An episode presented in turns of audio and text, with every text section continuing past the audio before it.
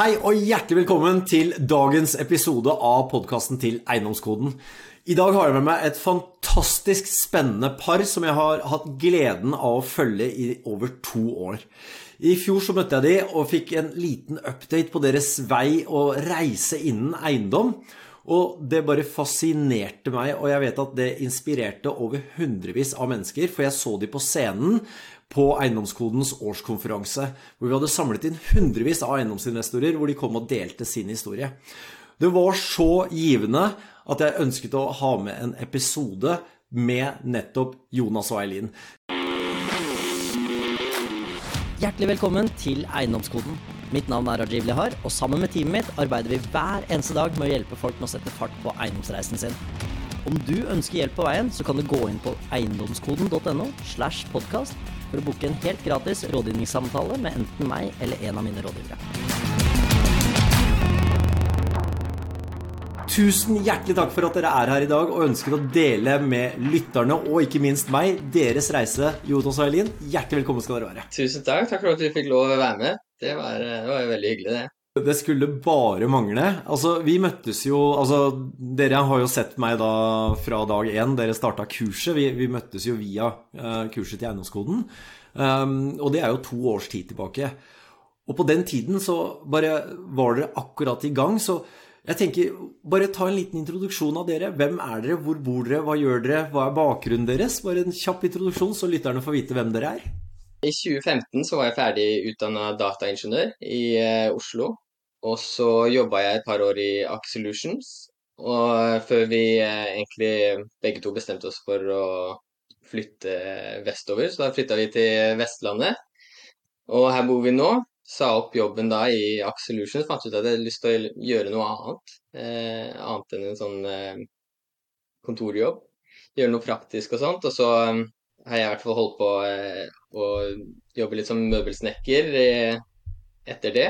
Interessant. Så fra dataingeniør til møbelsnekker? Ja, det har vært, det har vært i avisa her, faktisk. For det er mange som syns det var morsomt.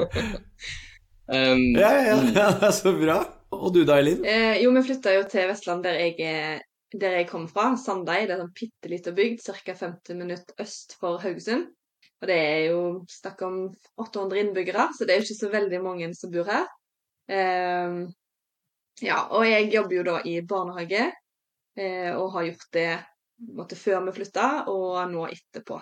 Så, så, dere har i utgangspunktet Ingen av dere har, hadde egentlig bakgrunn fra eiendom sånn sett, altså verken utdanningsmessig eller arbeidsmessig. Så hvorfor eiendom? Hva var det som plutselig eh, Nei, jeg kan si litt om det, kanskje. Det var det, Vi har Jeg har foreldre som har hatt en utleie, et utleiehus. Og så Jeg har vært liksom borti det, men aldri tenkt over det. Jeg har liksom ikke tenkt på den måten. Jeg har bare tenkt den der tradisjonelle måten med på den utdanning, på den jobb og den pakka der. Og så ikke, ikke tenkt noe mer liksom over eh, investering, kanskje litt sånn aksjer, leker, med litt, leker litt med aksjer her og der. Men, men det var egentlig så Da, da vi flytta hit, så gikk vi gjennom et sånn veldig skift med at at uh, vi sa jo opp den der faste, gode inntekta og sånne ting, og levde på, egentlig på én inntekt mens vi pussa opp det huset som vi overtok. Ja, for jeg jobba, jeg jobba 100% når jeg flytta, og så var det du som ikke ville fortsette som dataingeniør, og så hadde, overtok vi huset til bestemor mi, eller vi fikk det da som en arv. Eh, og så det trengtes, trengtes sårt litt vedlikehold, oppgraderinger og For hele loftet var jo ikke i bruk, så da fant han ut at istedenfor å på en måte søke jobb med en gang, så tar han og pusser opp. Eh, mens jeg jobber. Og da var det jo bare oss to, vi hadde jo ikke noen unger ennå. Eh, så da Så vi var frie? Ja, ja så hadde vi jo heller ikke huslån, siden vi hadde jo arva huset. Mm. Så vi starta jo egentlig veldig bra med tanke på det, da. Så vi fikk brukt de BSU-pengene vi hadde på å ta opp et lån for å pusse opp, og gjøre sånne store, nødvendige skifter på huset, da. Og det var vel egentlig som vi starta med. Det var første gang vi gjorde noe som hadde med oppussing og sånne ting å gjøre. Og det er annen jobb i området her. Og når tid var det, ja? Det må ha vært i 20... Det var jo 2015, for det var da vi flytta. Ja. ja, 2015. Men eh, fremdeles eh, langt unna å liksom skulle drive med eiendom. Var veldig langt unna der eh, fremdeles. Altså, I utgangspunktet så var det jo litt sånn tradisjonell at dere hadde tenkt å pusse opp og bo der selv, og, og gjøre det egentlig for deres del. Mm. Ja, ja. Det var for oss. Å skape liksom familieboligen, og her er liksom siste stopp, holdt jeg på å si. Her eh, forblir vi. det, det hørtes veldig tidlig ut å ta siste stopp, da. Ikke helt der. Jeg er litt sånn her, Vi gjør det her fram til noe annet dukker inn. Jeg er litt mer i det. Vi tenkte nok litt sånn eh, at det, egentlig var siste stopp, men så åpne, ble vi etter hvert så var vi jo sett at vi har blitt mer åpne for en forandring senere, da. Og det kommer vi litt inn på nå, fordi eh, så 2015 flytta tilbake, arvet, pussa litt opp, du fikk litt uh, flis i fingeren og, og hadde lyst til å skape litt, da. Og hva skjedde i 2021? Mellom 2015-16 og 21 så var det liksom Da var det møbelsnekringa, holdt jeg på med det. Og så bygde de egentlig opp en uh, møbelsnekkerbedrift der, og, fikk, og lærte meg litt om sånn drive business og sånne ting. Men eh, da, var vi, da var det fremdeles ikke en sånn god inntekt på det, så egentlig så var det som satte i gang alt det her, det var egentlig at vi var litt lei av å leve litt sånn sparsommelig og liksom i motsetning til sånn som vi gjorde før jeg sa opp til jobben og sånne ting, da, for da gikk vi jo Da hadde vi jo plenty. Men eh, ingen unger og bodde helt greit, og så to fulle inntekter. Så det var jo det var jo bare velstand. Men så bodde vi veldig sånn sparsommelige her, da. Og så var vi egentlig lei av det. Og så ble det til at jeg liksom søkte Søkte meg og ønska meg liksom ut av det, da. En løsning videre, veien videre, eller et eller annet sånt der. Og så var det liksom at det, det klaffa med At det, at det, det traff meg litt når det poppa opp noen videoer om, om investering. Jeg, jeg var jo den der Rich Dad Poor Dad var jo kanskje noe av det første jeg var borti. Det var i februar 2021.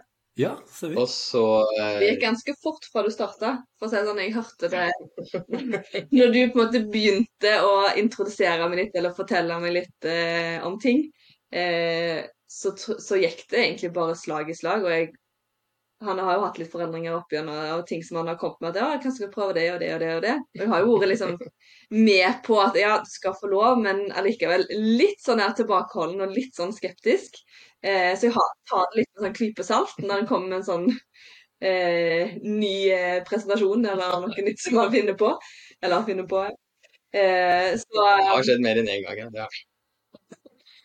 eh, så når da ifra han begynte å høre på eh, han der Kiyosaki eh, og intro, Jeg har jo hørt den da etterpå, den Rich, Man, Rich Dad Poor Dad. Eh, og til du sa Du bare Det gikk ikke, jeg tror nesten gikk to uker, så sa de vet du hva, vi skal kjøpe eiendom. Og så er jeg bare Å ja, OK, det skal vi, ja.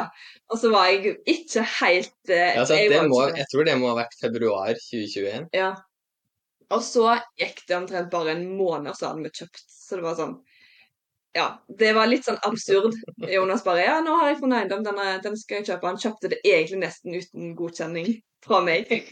Og og så, så gikk det jo Men da var det jo, ikke sant Det, det er jo det som er utrolig spennende, da. Det er jo når du først er mottagelig for mer informasjon og mottagelig for kunnskap, og du, du er på søken. Uh, så dere kjøpte da i uh, mars, Ja, uh, eh, mars 2021 første på en måte investeringsobjektet, da. Mm. Hvor, du, hvor planen var å investere. Og så Hvordan gikk veien videre? Og Nei, det var jo, altså, det var jo et eh, stort prosjekt, egentlig. da. Vi fikk det jo veldig billig. Det var jo godt under en million for eh, en halv tomannsbolig i Haugesund. Og da hadde jeg jo lært meg litt om oppussing, sant. Så, og, så, så da tenkte jeg litt sånn her Ja, det her, det her ordner vi. Det her, ordner vi, det her går fint, liksom. Og det gjorde det jo òg. Så det har blitt eh, Det har vært et veldig bra prosjekt, men eh, det er jo litt tidkrevende å liksom skulle gjøre alt i Omtrent, da. Alt i et hus. Men um, det var litt kult, for litt sånn, vi fikk jo kjøpt det uten å bruke noe egne penger, f.eks. Vi fikk greid å liksom få lån til egenkapital, og for det hadde jeg også lært litt at det, other people's money og liksom den greia der. Så, Ja, ja, ja. så det, det funka jo, da. Jeg fikk sett at det, det funka. Ja, for dere starta jo kurset også rett eh, rett rundt det kjøpet? Ja, da var det Jeg fortsatte jo liksom suge til meg alt av informasjon, og så kom jeg jo etter hvert eh, Jeg så mye på, på engelske eller amerikanske videoer, også på YouTube typisk, og så var jeg vel ute etter liksom, ok, Fins det et eller annet på norsk, eller noe nettverk i Norge, eller noe? For jeg lyst på det òg. Så kom jeg jo veldig kjapt over eh, deg da med et sånt webinar du hadde lagt ut. Og jeg bare ah, det der virka stilig. Og så um, ja, og så fant jeg veien videre til eiendomskoden, snakka med Jørgen og Ja, for dere hadde en rådgivningssamtale med Jørgen eh, ved oppstarten, og, og, så har dere jo, ikke sant, så, så den første eiendommen, da, det, det var jo et oppussingsobjekt. Så du hadde allerede sett ut en investeringsstrategi med, med verdiøkning som, som uh, et springbrett, da. Og det er jo noe som er ekstremt svart uansett. Det å se etter verdiskapning hvor du fysisk tilfører verdi. Og det har jeg vært veldig opptatt av for min egen del også. At jeg skal, skal investere og ikke spekulere, da. Hvor jeg kan fysisk gjøre noe. Men kom det naturlig i tankesettet deres? Altså at dere skulle finne noe som dere kunne øke i verdi, eller var det ja, noe som Det tror jeg lå litt sånn der eh, Ja, det lå nok litt baki der. Finne noe finne noe litt, eh, litt dårlig, og så fikse det. Ja, jeg hadde ikke noe valg med å hoppe med. okay. Så. Der, her så er det vel jeg som kan svare på Så du er jo veldig ikke redd for å ta, altså, gjøre nye ting og nye endringer og livsstil for den saks skyld og liksom alt mulig. Mens jeg er litt mer sånn tilbakeholden. Sånn at eh, når han ja, Noen ganger så kan jeg, jeg bare Du må ha tålmodighet med meg, fordi jeg bruker lang tid. Men han bare Nei, jeg bare hopper, jeg. Så. Men der har jeg også vokst veldig mye, da. For at, eh, ja, det var litt sånn I starten så var det kanskje Tok jeg kanskje litt lite hensyn. Eh, altså ikke bare med eiendom, da, men før det òg. Og så har jeg jo lært meg det, da, ved å påstå at eh, jeg har blitt veldig tålmodig og greier å la deg få lov å tygge litt på ting. Og, og kanskje ikke nødvendigvis ikke bare slenge deg rett opp i Og ikke nødvendigvis kanskje bare spy ut alt jeg har lært den dagen eh, på en gang. Og, ja. Men du sa jo noe veldig interessant her, Jonas. Eh, på den første eiendommen så var det i utgangspunktet ikke noe penger inn, sa du. Hvordan fikk dere til det? Det er jo flere måter å gjøre det på, da, har vi skjønt. Altså, En måte er å låne penger, låne en egenkapital av andre. Men akkurat i vårt tilfelle så satt vi jo på et uh, hus uten gjeld, så å si uten gjeld. Så vi spurte egentlig om å Eller så vi tok egentlig sikkerhet i det huset, da. Og så Det var jo ikke snakk om veldig mye, det var vel en 200 og noe tusen, tror jeg. Da hadde vi penger til å ja, Nesten 300, da. Så da hadde vi penger til å både kjøpe eh, leiligheten med egenkapital og litt til å pusse opp. Og så, eh, og så fikk vi en verdiøkning etter det, refinansierte. Så brukte vi enda mer penger på å pusse opp. Og så fortsatte vi egentlig det et par runder. Ja, ikke sant. Og der får man jo smaken på det her med refinansiering, verdiskapning, og så resirkulere kapitalen, da. Eh, men eh, vi får jo veldig ofte spørsmål liksom, om hva er refinansiering. Ja. Og når man ikke vet, så vet man jo ikke. Så det handler om å mm. liksom uh, Altså én ting er å vite det, det andre er ja. å oppleve det. så det, det gir en mm. skikkelig mersmak, da. Så, så, den eiendommen, den første, det var egentlig bare å kjøpe for å pusse opp og deretter leie det ut, eller hadde dere tenkt å selge den, eller? Fra starten så var det Så tente jeg veldig på den eh, leie ut. Holde det lenge. Holde på eiendommene, sitte på de, og så bare leie ut, og så får du bare mm.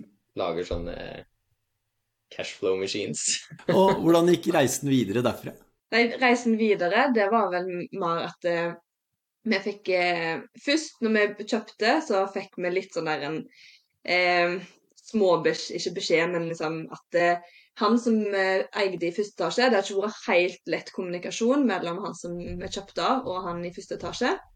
Eh, fikk litt sånn der en yeah. Litt sånn der eh, inside kanskje informasjon om at han kanskje han hadde jo kjøpt det i utgangspunktet for eksen sin, som studerte da i Haugesund på den tida eh, mens de ikke var sammen lenger. Og egentlig Han bodde jo ikke der, han bodde i Bergen, og det var litt sånn eh, Ja. Han eh, muligens ville bli kvitt det. Så det vi gjorde, eh, etter hun har hørt masse eh, på eh, Det var en, det var en av de kursene. Bare det å gå og banke på dørene og bare spørre. Vi fikk tak i telefonnummeret. En, altså det var jo Det i seg selv var jo vanskelig å få tak i han. Eh, vi ringte mange ganger. Eh, og så fikk vi jo tak i han til slutt. Og eh, etter hvert så spurte vi da om han var interessert i å selge. Eh, for vi hadde liksom hørt at han ikke ville Ja. Og så så vi jo veldig raskt også fordelen med å eie hele huset, sant. Og så var det en veldig naturlig neste steg, for da hadde vi liksom fått leid ut eh, der oppe som vi holdt på, og så var vi egentlig klare for eh, ok, gjøre noe videre. og og da, var det jo, da er det jo veldig enkelt å skulle ha liksom kontrollere en hel eh, tomannsbolig i stedet for å drive fram og tilbake med de andre som bor der og sånne ting. Ja, for det som òg var litt viktig for oss, da, det er når vi kjøpte det huset, så så det ikke ut på utsida, for de hadde gravd opp, for de skulle drenere, eh, uten å ha fullført jobben. Og, da, Ah. det, eh, og så når du da ser på bildene på, og kommer på visning på huset, sant, så blir du ganske skremt av hvordan fasaden og utvendig ser ut. Eh, og vi hadde jo lyst til å ta tak i dette når vi kjøpte andre etasjen, men hvis han skulle selge i første, så hadde vi ikke lyst til å påbegynne en sånn jobb som gjorde at det, det da økte kanskje verdien for han i første etasjen. Eh, og dermed han kunne få en høyere salgspris. Så derfor så venta vi med å gjøre dette her for å prøve å få tak i første etasjen, så vi heller kunne presse prisen litt ned pga. sånn som det så ut. Og i utgangspunktet i forhold til hvordan den leiligheten i andre etasjen så ut, da, som hadde jo på en måte et veldig godt sammenligningsobjekt. Og da var, fikk dere tak i den til slutt? Vi gjorde det. Vi fikk tak i den til slutt. Ja, da fikk vi jo kjøpt, da. Altså, det viste seg jo at han hadde lyst til å selge òg, så det, det var en veldig god første eiendom. Og det er det, ja. Og eh, da fikk vi hjelp i Kjøpte vi den jo off-market, da, så da fikk vi benytta vi oss av kursgruppa og nettverket der til å finne en advokat som kunne hjelpe oss med prosessen i kontrakter og sånne ting. Mm. Så der fikk vi også benytta oss av, ja, av kurset og Fordelen med å være med. Og hvordan var eh, finansieringen gjort på den? Der var vi faktisk eh, Vi har, vi har vært litt sånn heldige, men eh, samtidig så har jeg troa på det der liksom å være i en sånn flytsone og, og kjenne på at ting på en måte flyter litt, og at du ikke jobber, jobber sånn imot Altså at det ikke skal være en veldig effort. Da. For det, vi kom til et sånt punkt eh, for eh, halvt år, år siden, og da, da tok jeg egentlig også bremsa litt ned, og så prøvde jeg å hente meg litt inn igjen, og så få roa ned ting og liksom ja, finne en sånn balanse da, før vi fortsatte. Og det er grunnen til at det ikke har gått, eh, skjedd så mye altså siste kanskje året. Så skal det jo sies da at på dette tidspunktet med den første fulle boligen, hadde dere barn på den tida? Vi hadde en Ja. eh, Vi hadde tre stykk. Minste var når vi kjøpte Ja. Så den minste stykker? var akkurat blitt et år. Altså hun ble ett år i mars når vi kjøpte første bolig. Og så er det hva neste var Vi fikk jo barn i 16, 18 og 20. Ja, så dere hadde tre barn når dere startet opp. I da både bleiealder og barnehagealder. Og så snakker du om å gønne på å ta en liten pustepause. Så jeg tror Jeg tror du svarte deg ganske greit der.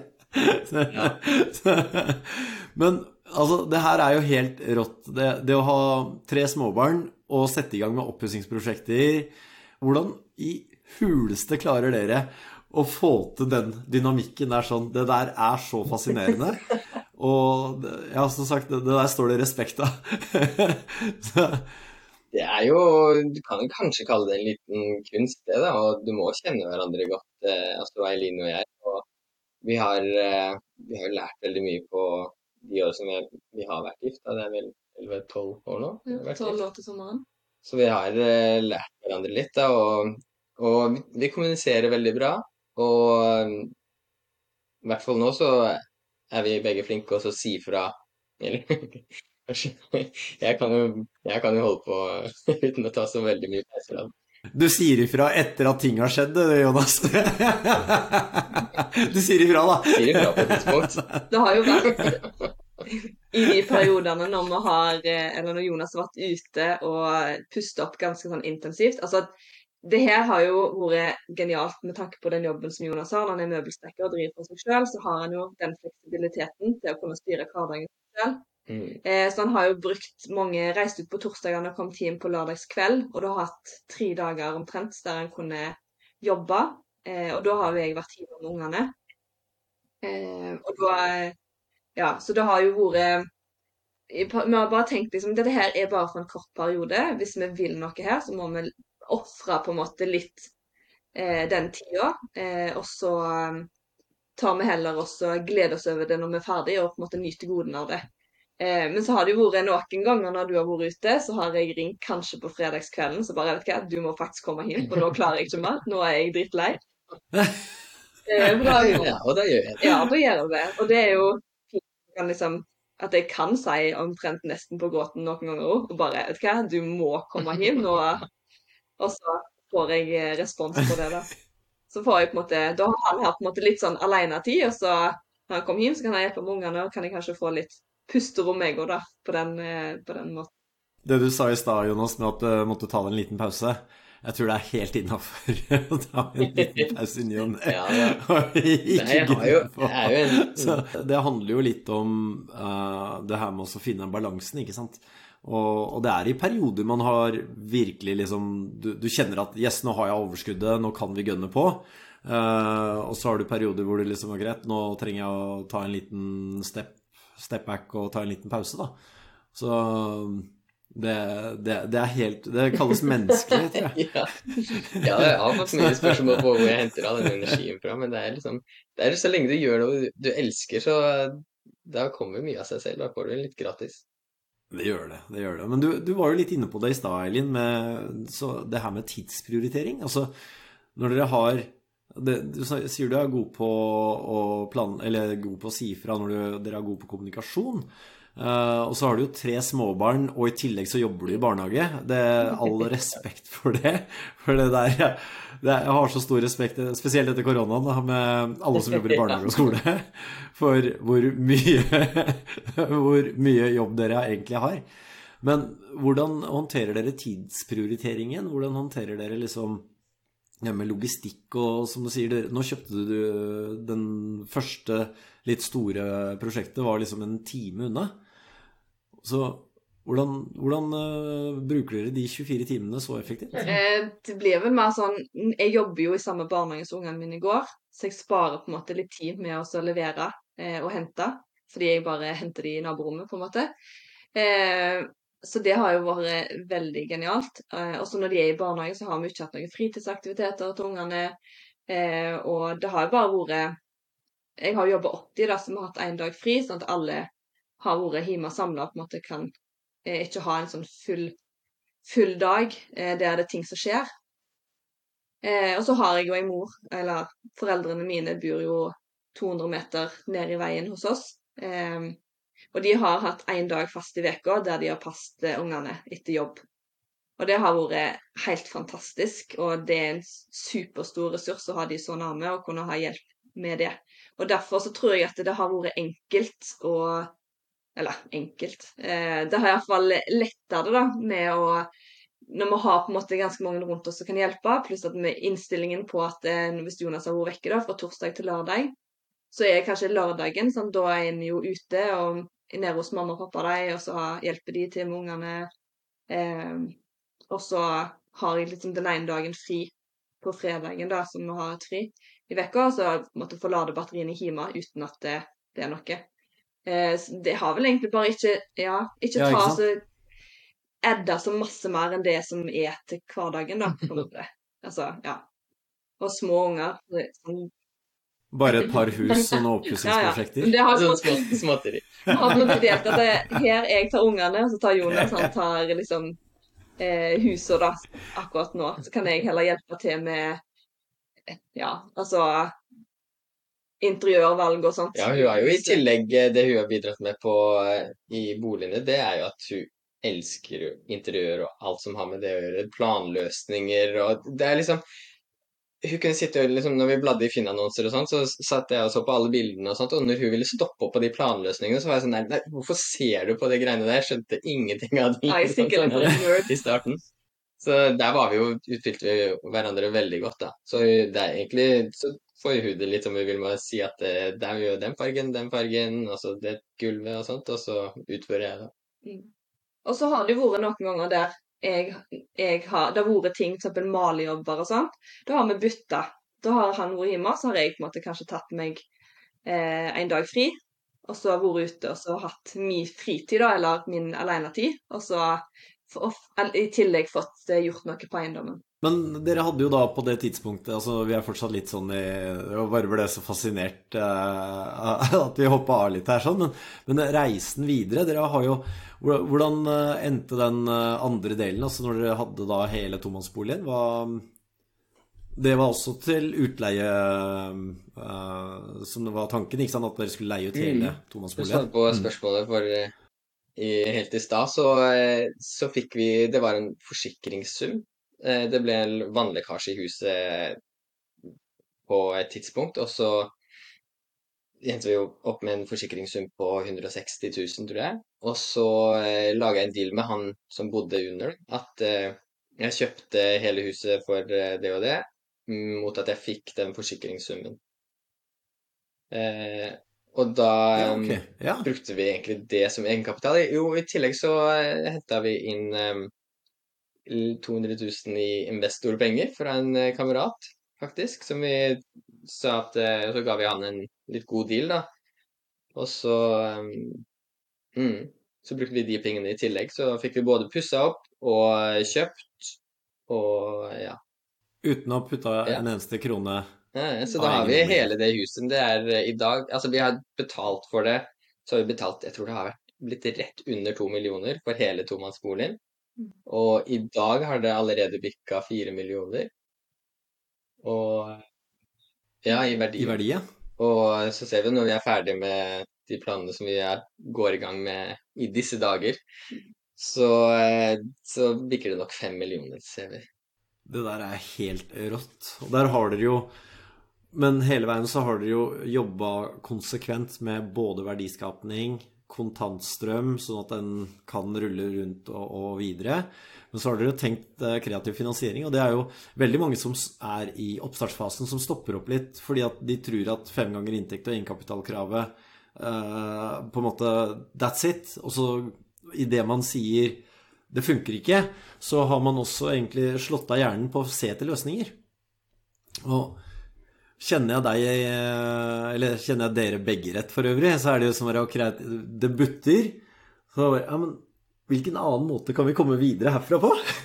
altså, dere er jo utrolig nysgjerrige. Og, og, det elsker jeg. Altså, jeg husker jo Vi har jo jevnlige Q&A-sessions altså hvor vi møtes eh, på nett, og, og, fysisk også for øvrig, eh, med jevne mellomrom. Og var det noen som alltid var der, så var det dere to. Ja, vi har satt pris på det. Og støtt og stadig så var du jo der i oppussingsobjektet, tok deg en liten pause, og så beklaga du for at det bråka, for du drev og pussa ut samtidig. Men dere, jo, dere har jo alltid vært veldig sugne på både kunnskap, inspirasjon og motivasjon. Og så har dere vært veldig rause på å dele med andre, og det tror jeg er en unik egenskap da, som veldig mange kanskje overser eller, eh, eller ikke tenker på. Det er at idet man på en måte er litt raus på å dele, så er man også mottagelig for også mye mer informasjon. Så, så det, det, skal dere ha, begge to. At uh, dere er både tørre svamper som bare suger til seg alt, men at dere også er, eh, er med på å deler reisen deres, deler inspirasjonen. For som sagt, det var over 200 mennesker i, i salen dere, som dere inspirerte, og fått tilbakemelding på at det var vanvittig gode skussmål på dere to.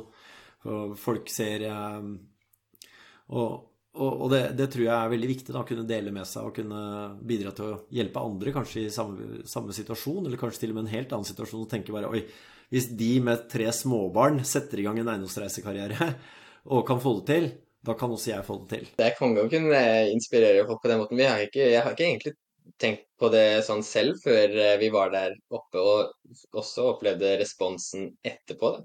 Det ble stoppa så mange forskjellige som bare at det er så inspirerende å høre på. Det var egentlig da det gikk litt opp for meg at det, ja, kanskje ikke det er Kanskje ikke alle i vår situasjon med tre unger ville tatt på seg de prosjektene. Tenk, jeg har ikke tenkt at vi skal være mer unike enn andre, egentlig. Nei, nei. Altså, ja. Altså, det, altså for, for vår historie, det handler veldig masse om prioriteringer. Altså, det gjelder jo alt. Altså, har du virkelig lyst til noe, så klarer du å lage rom til å få det gjennomført. Mm. Eh, fordi at eh, altså, tenk, Bare tenk på i løpet av en dag alt det du har lyst til å gjøre. Er det ting som du har lyst til, eller er det ting du må gjøre? Som regel så er det ofte det du har lyst til å gjøre, som kommer før ting du må gjøre.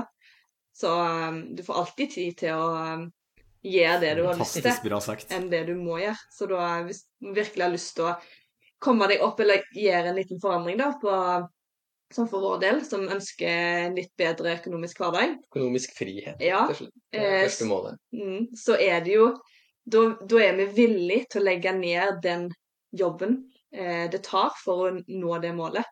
Eh, og det tror jeg er en stor nøkkel som gjør at det, det blir enklere å prioritere, fordi vi ser hvor vi skal, og, og så legger vi opp veien og ruta etter, etter hvor sluttpunktet er. da. Eller ja, det finnes jo trenger ikke være noe mål når du kom, eller stopp når du kommer til det målet. Da kan du bare fortsette om du vil. Mm. Eh, og det er jo det som er veldig kult med eiendom, da, som jeg har, har skjønt veldig masse i ettertid etter jeg har eh, Ja, etter du har på en måte Eller Jonas Starta oss. Ja. Starta oss, og jeg på en måte har blitt mer eh, bitt på kroken, liksom. Så eh, har jo sett at det finnes jo ingen begrensninger. Det finnes jo ikke et stopp uten du kan stoppe når du vil, på en måte. Eh, du kan nå så langt du vil. Og øh, nå er du jo også litt inne på um, noe som er veldig essensielt. Da. Det er liksom, altså Første modulen i kurset blant annet, handler jo litt om det her med målsetning, visjon, hva ønsker dere å få til, og litt sånt noe. Og hva er det som For, altså, for det første så eiendom, det, det er liksom én ting som garantert går opp og ned, både følelsesmessig og ting funker ikke som det skal. Uh, ja, løsninger funker ikke som det skal, litt, er litt dyrere enn antatt osv. Men det uh, Og så legger du på da tre småbarn i tillegg, så kan jeg garantere at det er opp- og nedturer.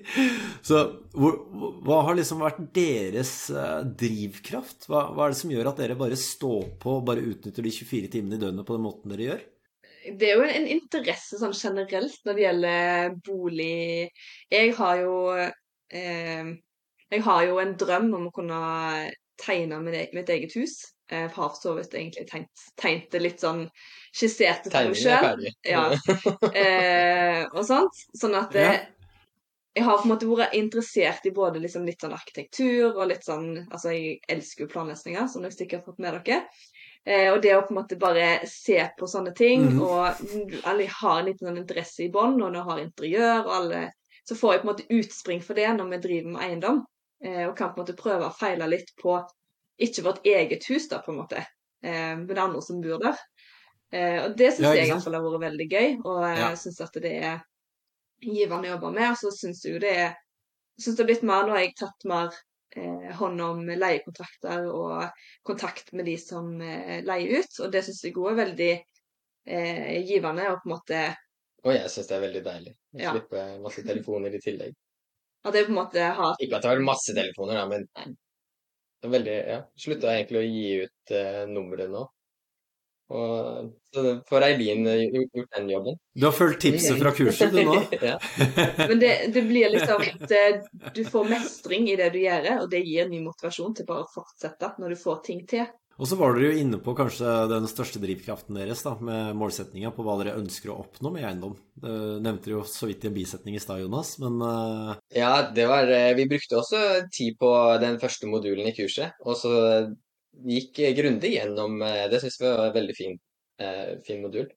Tydelig hvorfor du har lyst til å gjøre det, og hva målet ditt er, og litt sånne ting. Og, eh, og, og altså det med at vi hadde de årene som vi levde ganske trangt økonomisk, det var jo en Det, drivkraft det, eller ja, det ble jo et veldig det, Ja, motivasjon? det ble en veldig Ja. sånn motivator da, til å ville gjøre en endring og ville faktisk nå lenger.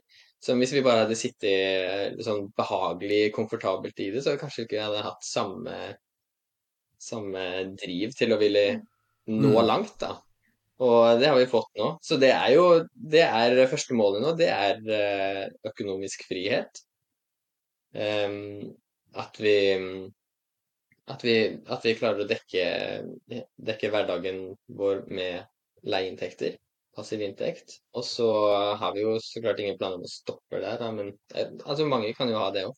Men vi har eh, lyst til å nå fortsette å kjøre på. For ja, som i stad, hvor drivkraften kommer fra, så syns begge to det er utrolig gøy med eiendom. Og det gjør jo at det blir lettere, så klart. For det er jo mange andre måter man kan eh, skape inntekt på, passiv inntekt og sånt òg, men eiendom var bare Fra første gang jeg leste om det eller hørte om det, så var det bare sånn Ja, det virker, det virker gøy. Og så har det jo vist seg, Eileen er jo også i sitt ess når hun får lov å Når jeg spør Du, hvordan kan vi, hvordan kan vi løse det her? Hvordan kan vi få et soverom til her, eller et eller annet? Da er det sånn da må jeg ta ungen en stund. Da går du på en bryter, og så er bare ser du rommet bare popper opp. Ja, det, og det er jo en kjempedrivkraft. Og det, og det, viser jo også litt av hvordan dere klarer å håndtere forskjellige personligheter inn i en og samme målsetning. Og, og det tror jeg er veldig unikt. Eh, å, å, kunne lage litt felles målsetninger, kunne jobbe for noe felles.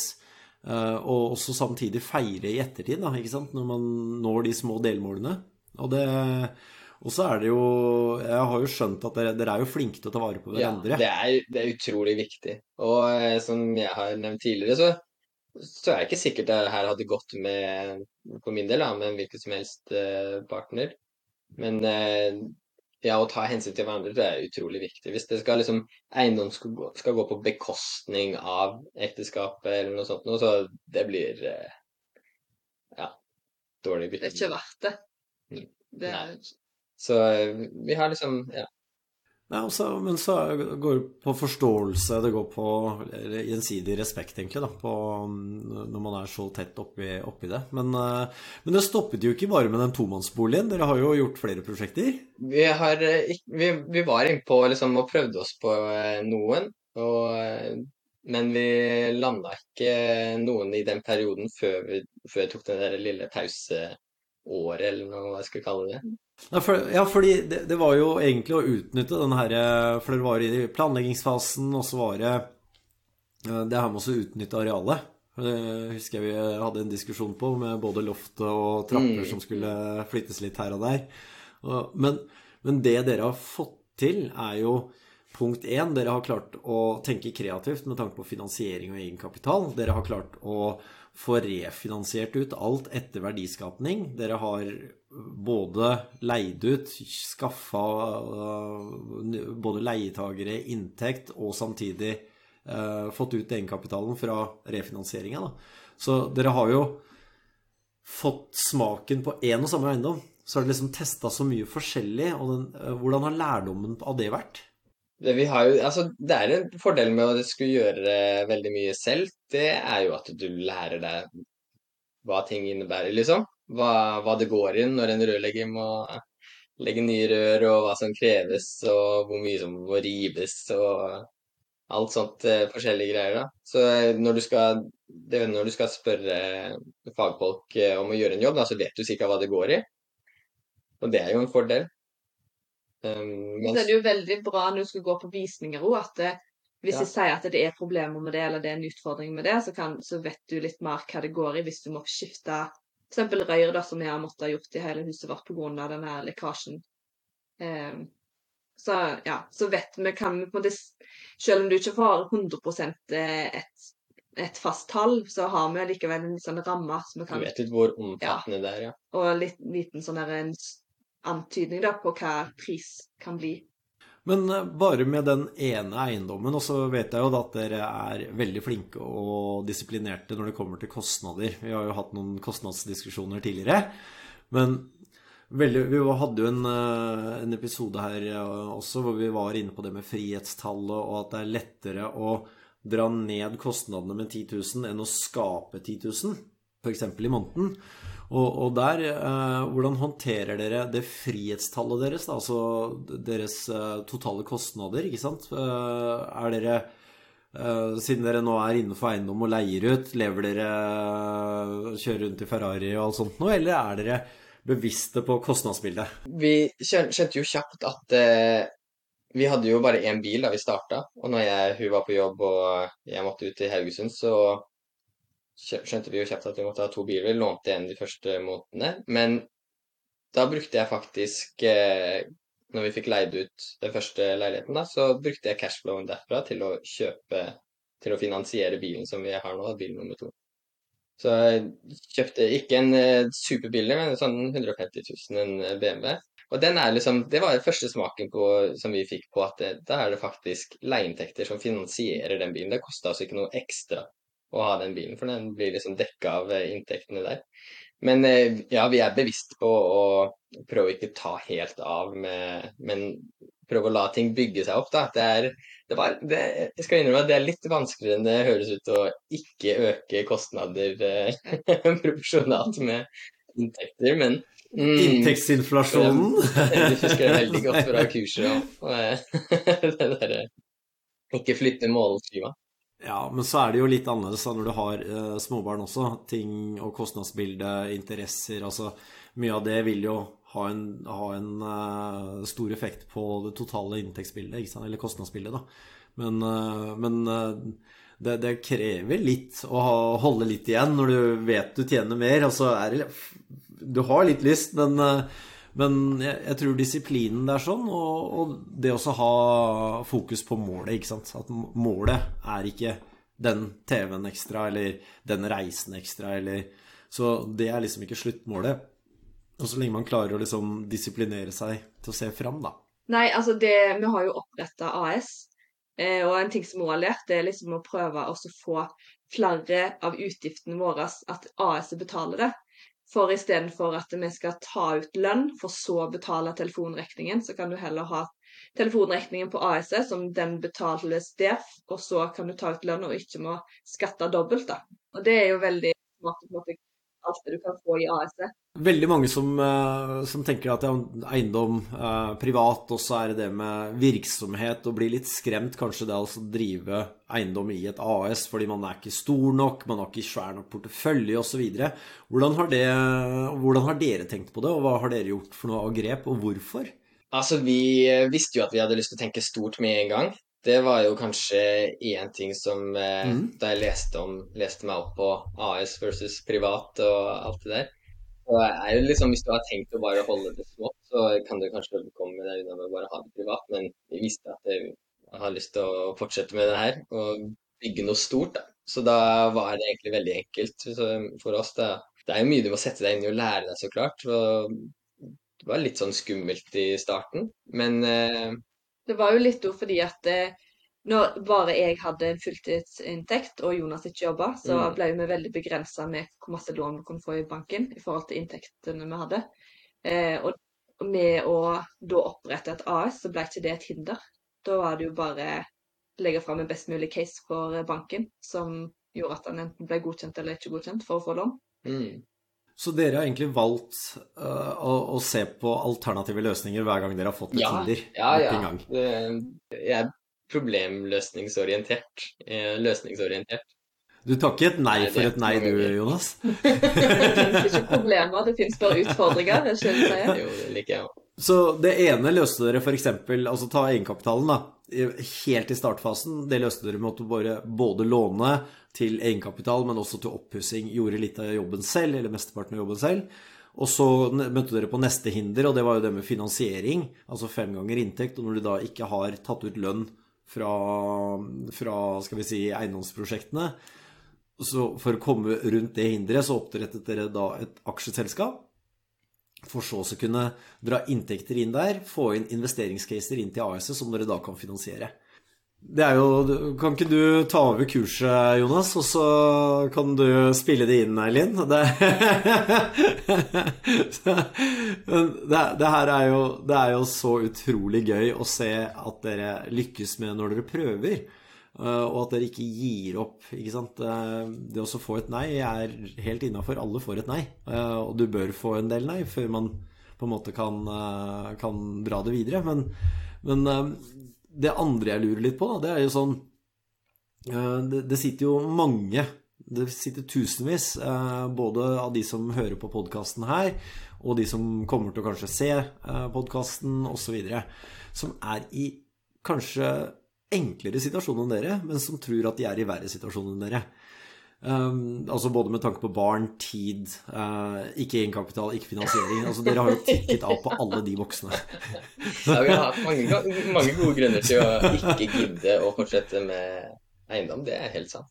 Og Hva slags råd har dere som par eller individuelle til uh, de som er i samme situasjon? Hva, hva bør de gjøre? Hvordan burde de starte? Hva bør de tenke? Altså noen tips jeg tenker jo først og fremst finne noen som faktisk driver med det, og snakke litt med dem for å få litt dialog og kunnskap og bli litt kjent med folk som du har kanskje har tiltro til, da, hvis du kjenner noen som driver med eiendom, for å høre litt at det kanskje ikke er så skummelt, kanskje, eh, som de kanskje sitter for seg. For ofte så lager vi store nok scenarioer i hodet på at det, det Altså bare det med å skal ta på seg mer gjeld, som er jo en kjempestor greie for folk, at det er kjempeskummelt.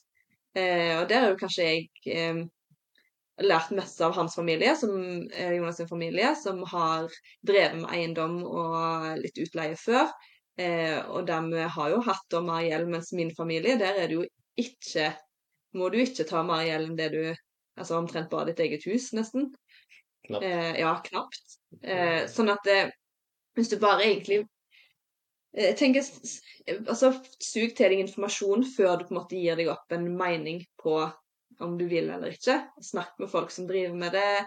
Eh, skaff deg et nettverk, eller les bøker. Det finnes jo vanvittig mange gode podkaster og eh, lydbøker som eh, du kan høre på. Hvis du ikke liker å lese sjøl. Jeg gjør jo ikke det, så jeg hører jo alt på lydbøker.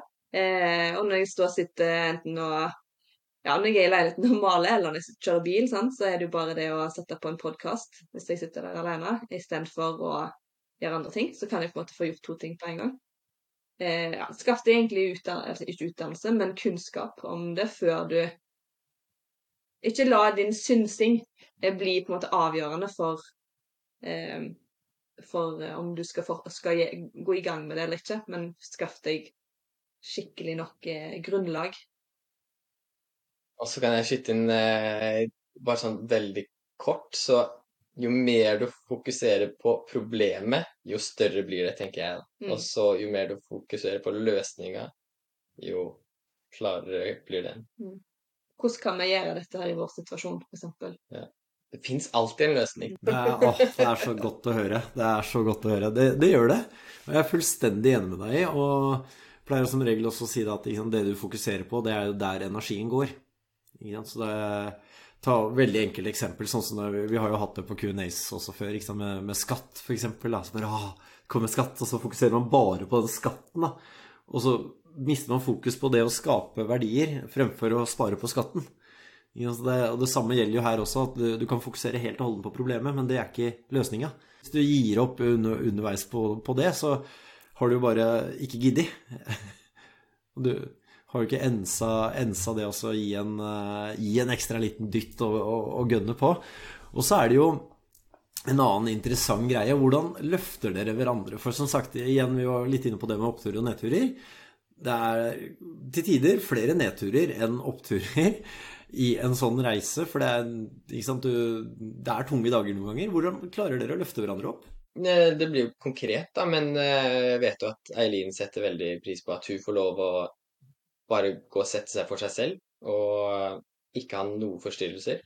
Så det vet jo jeg er julegave til Huvi. At jeg tar ungen ned, og så tar de med på butikken, eller liksom bare et eller annet, så hun får uh, sitte aleine. Det er jo en sånn typisk ting.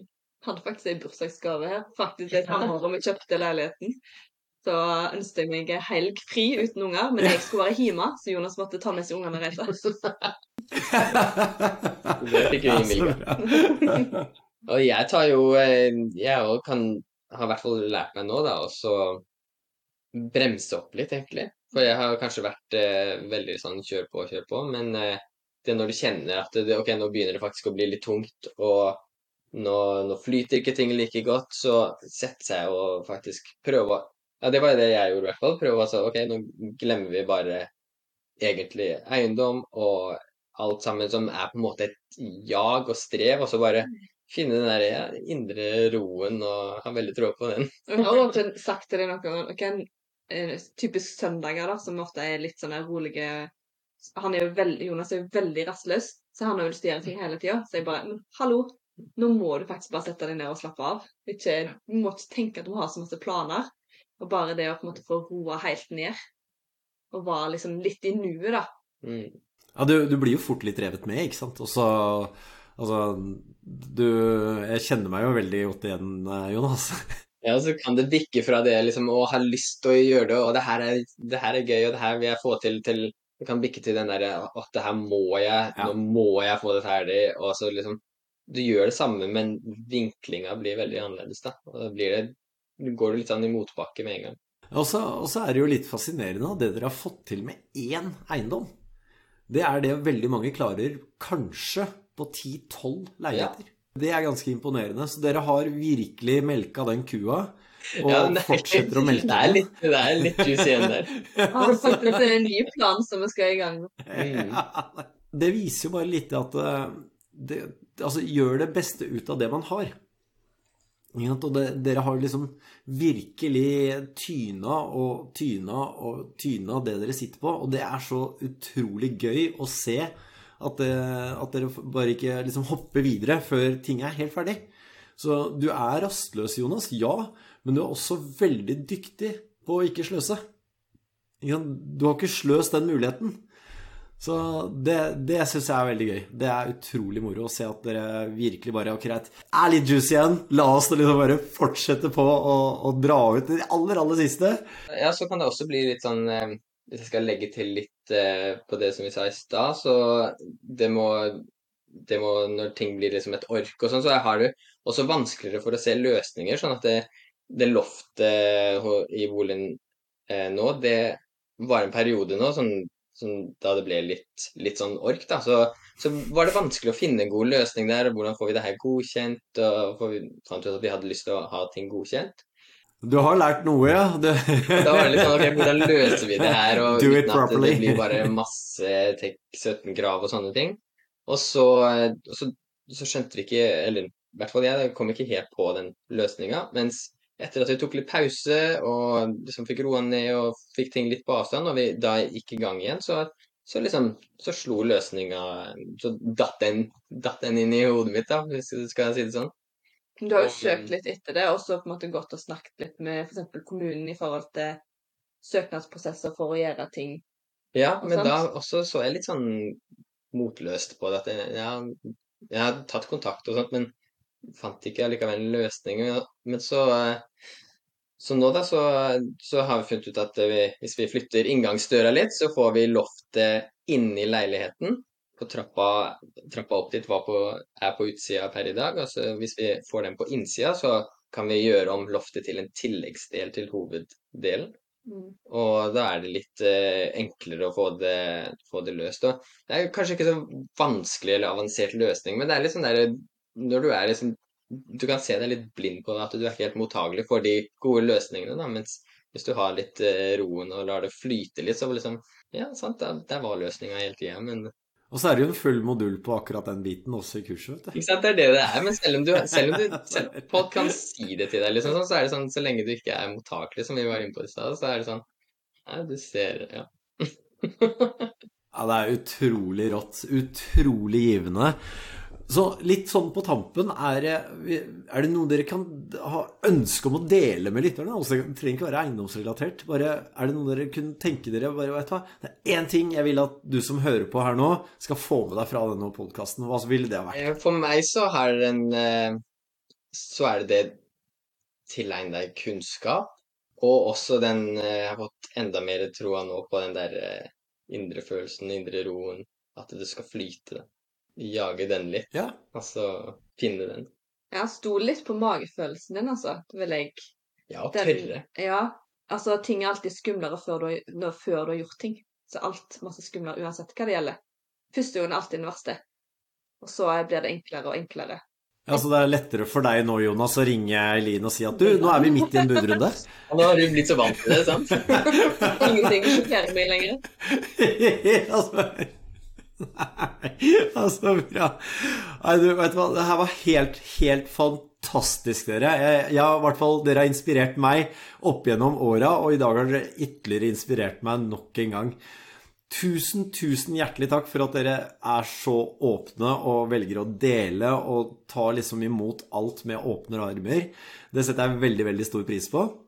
Og for du som driver og lytter på denne podkasten, vær så snill, ta så kommenter under podkasten, eller rate den, sånn at det går an å nå ut til enda flere mennesker, sånn at vi kan inspirere, motivere og kanskje få fart på en eiendomskarriere også for din del. Så vær så snill, kommenter, rate på denne podkasten, og abonner på den der du hører på podkaster. Og hvis du ønsker en gratis rådgivningssamtale for å se hvordan vi kan kartlegge din eiendomsreise, da kan du gå inn på eiendomskoden.no slash podkast, og så kan du booke en helt gratis rådgivningssamtale med en av rådgiverne våre, på samme måte som Jonas og Eileen gjorde. Og etter det så håper jeg faktisk at vi ses på innsiden av kursportalen. Da får du også møtt Jonas og Eileen. Så Tusen, tusen hjertelig takk for i dag. Jeg håper du virkelig koste deg. Så ses vi igjen om ikke så altfor lenge.